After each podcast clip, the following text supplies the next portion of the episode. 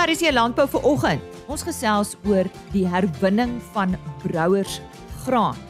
Nie net bier wat van brouers graan gemaak word nie, maar volgende keer as jy 'n bier drink, kan jy ook 'n geurende graanskyfie saam met dit geniet. Bly ingeskakel vir daardie onderhoud met Christo Worst van Southern Oil. Hy het met hierdie idee vorendag gekom. Dan kuier ons daar in die Magaliesburg omgewing by 'n boerhandteler, Mpo Munya. Christelise Miller het by hom op die plaas gaan kuier en ons praat ook met SA Stamboek se dokter Helena Tron oor 'n enkel geen eienskap by vleisbeeste. Ja, dis op volgende program. RSG Landbou soos altyd hierdie tyd op 'n Woensdagoggend. Hartlik goeiemôre van my, Lise Roberts. Hoe belangrik is 'n enkel geen eienskap by 'n vleisbees? Dis ons onderwerp van bespreking nou met Dr Helena Tron van SA Stamboek. Sy verduidelik eers wat is 'n enkel geen eienskap en wat veroorsaak dit? Enkelgeel eienskappe soos die soos die naam sê, dit is 'n hoofgeen wat 'n eienskap uh, beïnvloed en dit word ook genoem endeliese oorerwing na aanleiding van daai ehm uh, monnik Mendel wat sy ertjies geteel het. Ehm um, dit veroorsaak uh, dit word veroorsaak deur 'n mutasie en 'n mutasie is 'n verandering of 'n uh, net 'n klein dingetjie verandering op die DNA en elke geen het 'n produk soos 'n soos 'n proteïen of hormoon wat eienskappe beïnvloed en as jy nou 'n klein verandering het in hierdie proteïen dan werk hy of anders of hy ehm uh, werk glad nie en dan kan jy byvoorbeeld die, die dier is 'n swart dier en dan as daar nou nou verandering is in die kleurgeen dan veroorsaak dit dat die dier byvoorbeeld rooi kleurgene kan dra en uh, of partykeer dan oorsaak so 'n verandering in 'n proteïen 'n hele uh, breeksverandering en dan kry jy 'n sindroom soos die dubbelbespieringssindroom wat nou uh oral uitslaan in ons vleisbeeste was. Helena, hoe word enkel geen eienskappe oorgeerf? Kyk, mense het altyd twee gene uh of twee uh variante van dieselfde geen, een wat jy van die pa afkry en een wat jy van die ma afkry. En as jy nou byvoorbeeld twee swart gene of twee rooi gene van jou ouers afkry, die die bees, dan sal hy nou of swart of rooi is. En ehm um, wat nou gebeur as hy byvoorbeeld 'n swart geen van die een ouer kry en 'n rooi geen van die ander van die ander ouer, dan domineer die swart geen en die dier uh, lyk swart. Maar hy dra die rooi geen wat hy kan oordra na sy nageslag. So so kry jy ook ander variante, so daar's verskillende variante wat op wat daar voorkom en jy kry byvoorbeeld die wilde geen, dan verander hy die swart 'n uh, swart dier met rooi op die punte, né, sy ore, sy neus en sy ehm um, bene. Of as dit 'n rooi dier is, dan maak hy dat dit daai swart skynsel wat jy kry op die punte. En dan kry jy ook gene wat op 'n ander posisie op die ehm um, is en wat die die rooi swart geen beïnvloed soos byvoorbeeld die Charolais geen. So dier wat twee Charolais geen kleurgene het, is spierwit, maar dier wat net een van die Charolais gene het, dan skyn die die rooi of die swart van die ander lokus skyn dan ehm um, daardeur so. Jy het verwys na 'n dubbelbespieringssindroom. Wat is dit en hoe word dit oorgeerf? So die dubbelbespiering word veroorsaak deur ehm um, 'n fout in die myostatin geen. So uh en dis die myostatin proteïen wat hy maak en dan in 'n in 'n embrio as die embrio vorm dan uh vorm hy uh spierselletjies en dan op 'n stadium dan moet die spierselle ophou groei. En as daai myostatin geen ehm um, stikkend is, dan dan meng hy in met daai proses. So op die ou einde kry jy dan 'n dier wat gebore word met meer spierselle, maar ehm um, 'n klomp ander goed ook, so daar's minder vet byvoorbeeld in sy bene is fyner en dan 'n klomp ander eienskappe uh wat veroorsaak word deur hierdie uh deur hierdie enkele mutasie in in in die myostatin gee. Is daar voordelige enkelgeen eienskappe waarvoor mens kan selekteer? Ja, daar is en die die belangrikste een is die poenskopgeen. En uh dis baie belangrik vir teelers wat nie ehm um, hulle kalvers wil onthoring nie, so die diere is normaalweg uh poenskop. Die poenskopgeen ehm um, is dominant.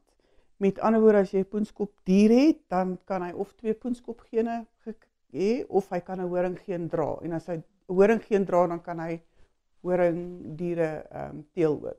'n dier wat horings het, ehm um, kan net horing steel. Hy gaan nie vir jou poenskop diere teel tensy hy hom natuurlik met 'n ander dierpaar wat wel poenskop het. So en dan is daar 'n paar interessante ehm um, gene vir vir vleissagtheid. Die calpain en calpistatin gene en een wat genoem word DGAT1 ook. En ehm um, hulle oorerwing is nou weer ehm um, additief. Met ander woorde, hoe meer gene jy van dit het, hoe sagter word die vleis. So dis alles interessante gene wat daar is en waarvoor mense dan ook kan toets. Is daar nadelige gene waarvoor daar genomies getoets kan word? Ja, ons kan toets vir Pompey's disease wat ehm, 'n um, metabooliese siekte is wat by verskeie rasse voorkom en ook ehm um, vrotvel en ehm um, dan is daar ook van hierdie haplo onvrugbaarheidsaplotipes wat hulle nou met die met die genomiese ontledings uh gekry het en ehm um, wat onvrugbaarheid veroorsaak. So dis 'n dis 'n baie interessante nuwe een wat ons ook ehm um, wil ondersoek. Ja. Net ter opsomming? Ja nee, daar's heelwat enkel gene en ehm um, met die moderne toetse is kan 'n mens daarvoor toets. Dis dan Dr. Helena Tron van SA Stamboek wat vandag gesels het oor die belangrike enkelgeen eienskappe wat by vleisbeeste voorkom. As jy nou hier by ons aangesluit het, baie welkom. Jy's ingeskakel vir RSG Landbou. Dis net hier op RSG vanaf 5uur tot 6 van my kant af, Maandag tot Donderdag. 'n Vooruitstrewende boerant stoeteler van Noordwes is besig om sy merk in hierdie bedryf te maak. Dit is ondanks verskeie uitdagings wat Mpo Mooney eienaar van Wanjay Borans naby Magaliesburg in Noordwes in die gesig moes staar. Christelise Miller het met hom gesels. Ons praat nou met Mpo Munyai, eienaar van Banyai Borans naby Magaliesberg in Noordwes. Mpo, where did it all start for you? Your interest in farming? It all started uh, way back in 2009 uh, when I started cattle farming in uh, Randfontein in a communal uh, area where I started with only two heifers and a steer. And since then, I never looked back, even though I've been struggling in the communal land with a lot of challenges that it, is quite difficult to farm in the in the communal land. But I think I've, I've thrived uh, during that period where, where I started. Yeah.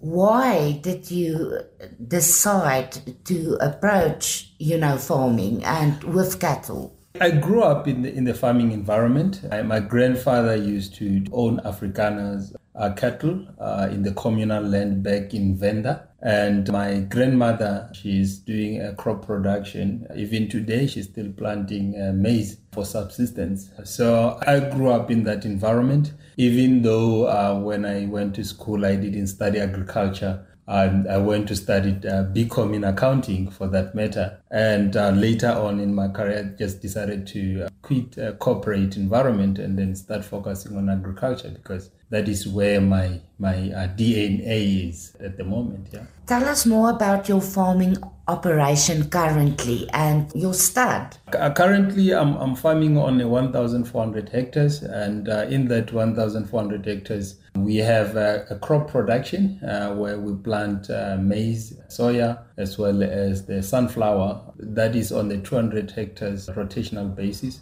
and then the balance we use it uh, for grazing. And uh, that's where we are keeping our stud uh, animals as well as some few commercial animals and mainly the the boran uh, cattle. That's what we are keeping uh, in in our farm.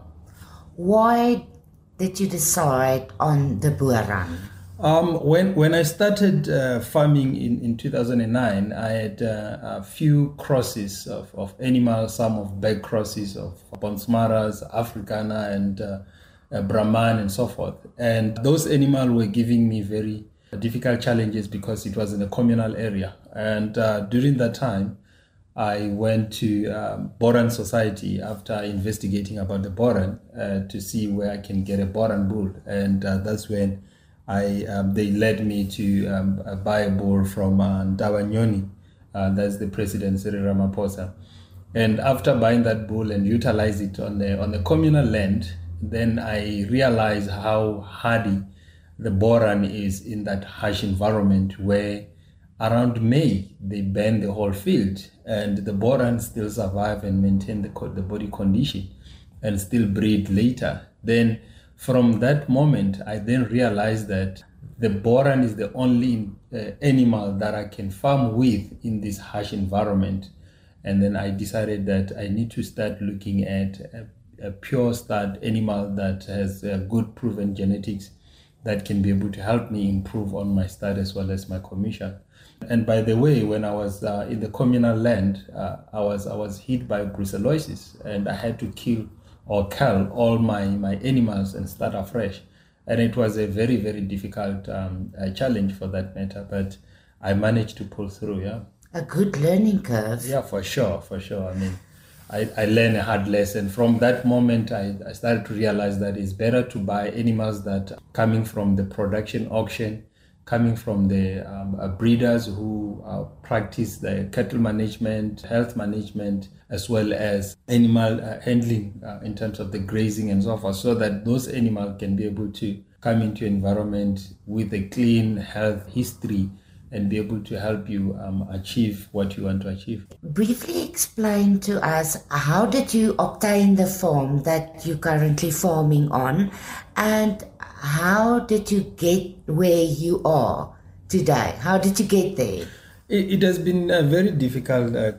I mean, when, when I started in 2009, I approached the Land and Rural Development uh, for farm to lease. Unfortunately, since then, I never had an opportunity to have the farm. I waited for 10 years to get uh, access to um, land. And then in 2019, that's when I get a dilapidated farm that farm had nothing, nothing at all. And the house was wrecked and the, the boreholes were not working. I had to test 11 boreholes and only find one with water. And even now, I keep on drilling to uh, search for water. I'm busy working on the camps on that uh, field and also rehabilitating the whole land because it's highly, highly encroached with bankrupt bush and it means that there's no grazing. So I'm developing, redeveloping that particular field. So it has been very difficult just to, to get access to land. And at most, even if you can get access to land, you need also to have a tenacity to work the land. And, and I think that is what is, is very critical and, and, and challenging in that process. And the farming itself, the knowledge uh, the knowledge, I believe that I had to acquire the knowledge as, as I go because I'm not shy away from visiting other farmers. I, have been traveling around the country, going to different stud breeders trying to understand what are they doing and, and how are they doing and how are they successful and what are the things that I can learn and come and replicate into my farming operation. So for me, the learning, it, it came from the willingness to travel, to go to other farmers and then learn what what they're doing and then also learn the phenotype of the animal, the type of the animal that they are farming with and the environment that they are farming with. It's very, very, very important that we need to understand that as farmers, we are not farming with cattle, but we are farming with the environment. So once we understand the environment, it helps us to understand the type of animals that we need to farm with. And that's where, for me, after assessing my environment, I had to choose the boran. So if I was in a different environment, I would have chosen another breed. So, that brings me to my next question. You play a valuable role in plowing back to the farming community by playing a mentorship role. Tell us more about that. So you, you see, Christal, I mean, if you you want to ensure that you have success in life, what you need to look at is to look at harvesting. So when we look at harvesting, if you want a once-off harvest, you plant maize. And if you want a perpetual harvest, you plant orchard or have farm with the livestock. And if you want an infinite harvest, you invest in education. So I made it my mission to empower others by investing on the knowledge that I already have because I acquired that knowledge from other farmers. So by visiting other farmers and get that knowledge, then now I'm plowing it back to other farmers that are emerging and that are aspiring so that they can be able to understand that anything is possible in life. It doesn't matter whether you're starting at the high note or at the low note. The most important and fundamental thing is that you have to start something. if you start something, you will be able to be assisted in the process by willingness to learn. If you open yourself to learn, you can be able to have much access to opportunities. But if you close yourself and not willing to learn, that's where the problem is.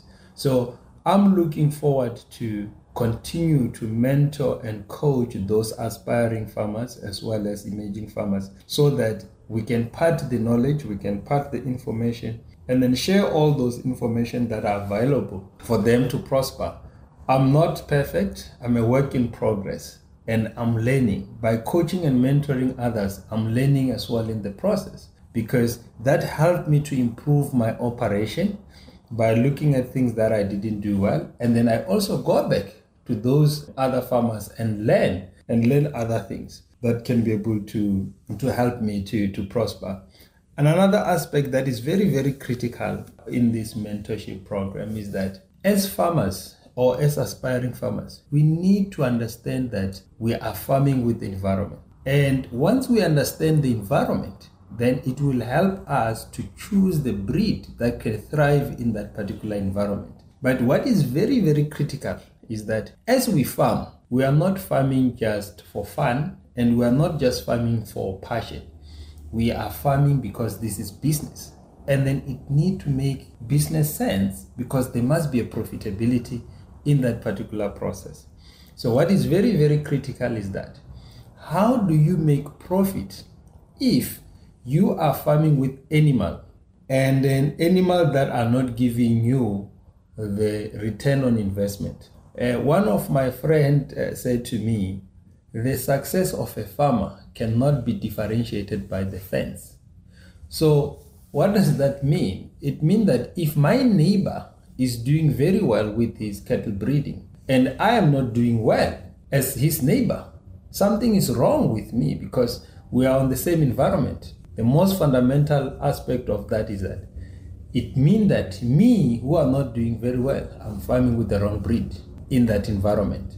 And when I'm farming with the wrong breed, it means that I'm farming with either an animal that is of not a high quality, I might say.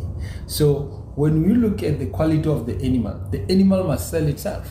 You don't have to struggle to sell the animal. Be it a winner, be it open heifer, a pregnant heifer, or cow, calf, and so forth, or a bull, that animal must be able to market itself. So it is very, very important for the aspiring farmers and emerging farmers and commercial farmers to make sure that when they look at their animal, they don't have to scrap to look for price for that. That animal must present itself and say, I worth so much.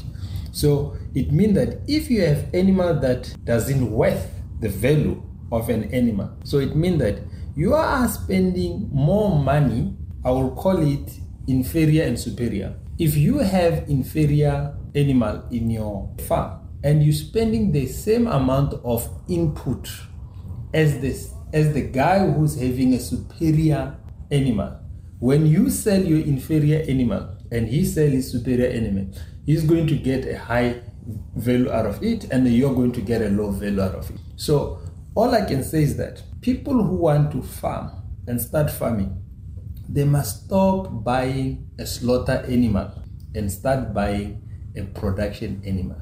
So most of us as, as aspiring and emerging and uh, commercial farmers, we tend to go to a slaughter auction to buy animals that we can breed with. Those animals are sent there to those slaughter auction for a reason that they are non-functional. They have to be slaughtered, and then we buy them because they are cheap, and then we take them to the to the to the to, the, to our farm and start farming with them, and then we replicate the inferior animals throughout. So it means that we are not improving.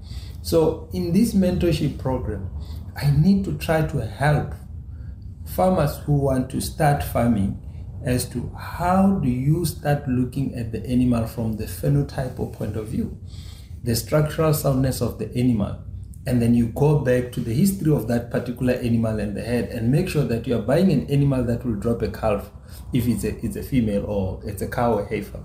A, an animal that will drop a calf and then you'll be able to sell the calf later in the but you need to start looking at the quality of animal that you're, you're buying so that you can be able to start appreciating the return on investment.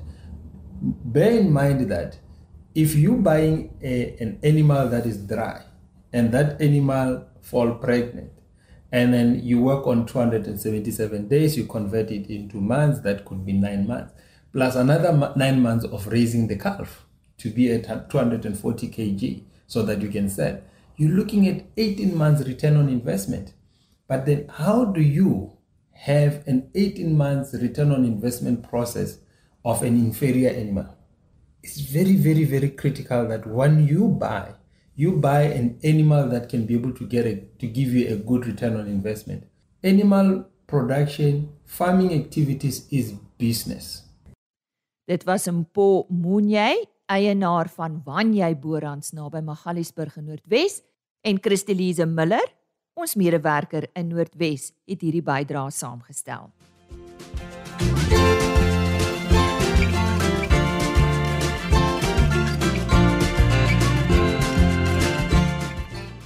Nou ja, is jy 'n bierdrinker? Nou het jy geweet as jy volgende keer jou bier drink, het jy ook 'n graanskyfie wat jy kan geniet saam met jou bier, want dit word van dieselfde produk gemaak. Nou, as ek praat van 'n skyfie, dan praat ek van die Engelse chips wat jy graag geniet saam met eh, 'n uh, drankie of 'n lekker kuier saam met vriende. Nou vandag praat ons so iets oor so ietsie anders. Ehm um, en dit is pleitous. Nou vir ons uh, Wes-Kaapenaars is ons seker al bekend met 'n graanskyfie op jou bord. Maar uh, dalk vir hierdie klomp van ons wat hier bo bly in Pretoria en al die ander gedeeltes is dit dalk nie so bekend nie. Nou uh, ons gaan praat oor die proses hoe dit gemaak word en wat die doel hier agter is. Ek gesels met die breinkind agter uh, hierdie inisiatief en dit is Christo Wors. Nou Christo is tans 'n ingenieur by Southern Oil.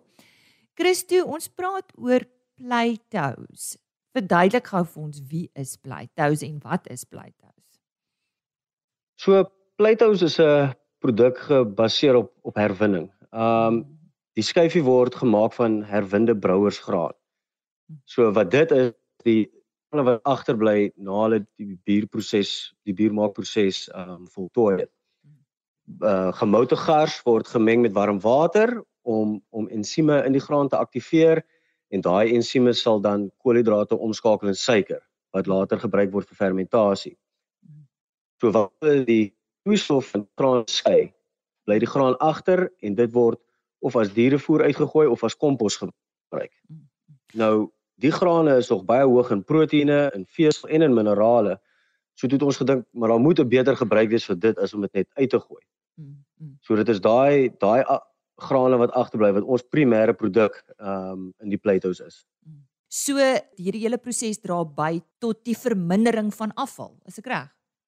Ja, dit is in beginsel kos wat weggegooi word. Dit is 'n groot probleem reg oor die wêreld. Ehm um, veral met hierdie tipe produk waar daar miljoene tonne jaarliks ehm um, uitgegooi en ons het gesê dat die 'n so ware ketting wat oopgemaak kan word vir 'n produk wat klaar reg is vir ons wat gesond is vir maar wat nie wat nie benut word soos wat hy moet nie. Nou water speel natuurlik ook 'n belangrike rol as dit kom by produkvervaardiging, afval en water is een van die kosbaarste indien nie die kosbaarste hulpbron in Suid-Afrika. Hoe bewaar julle hierdie hulpbron van ons?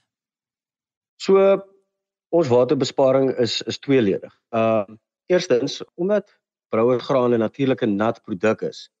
Um gebruik ons dit vars en dit laat ons toe om in ons vervaardigingsproses geen water te hoef te gebruik nie.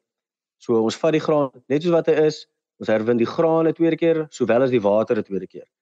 Um tweedens uh omdat ons uh 'n uh, herwinbare produk gebruik, is dit nie nodig om addisionele aanplantings te besproei om ons ware ketting vol te maak nie.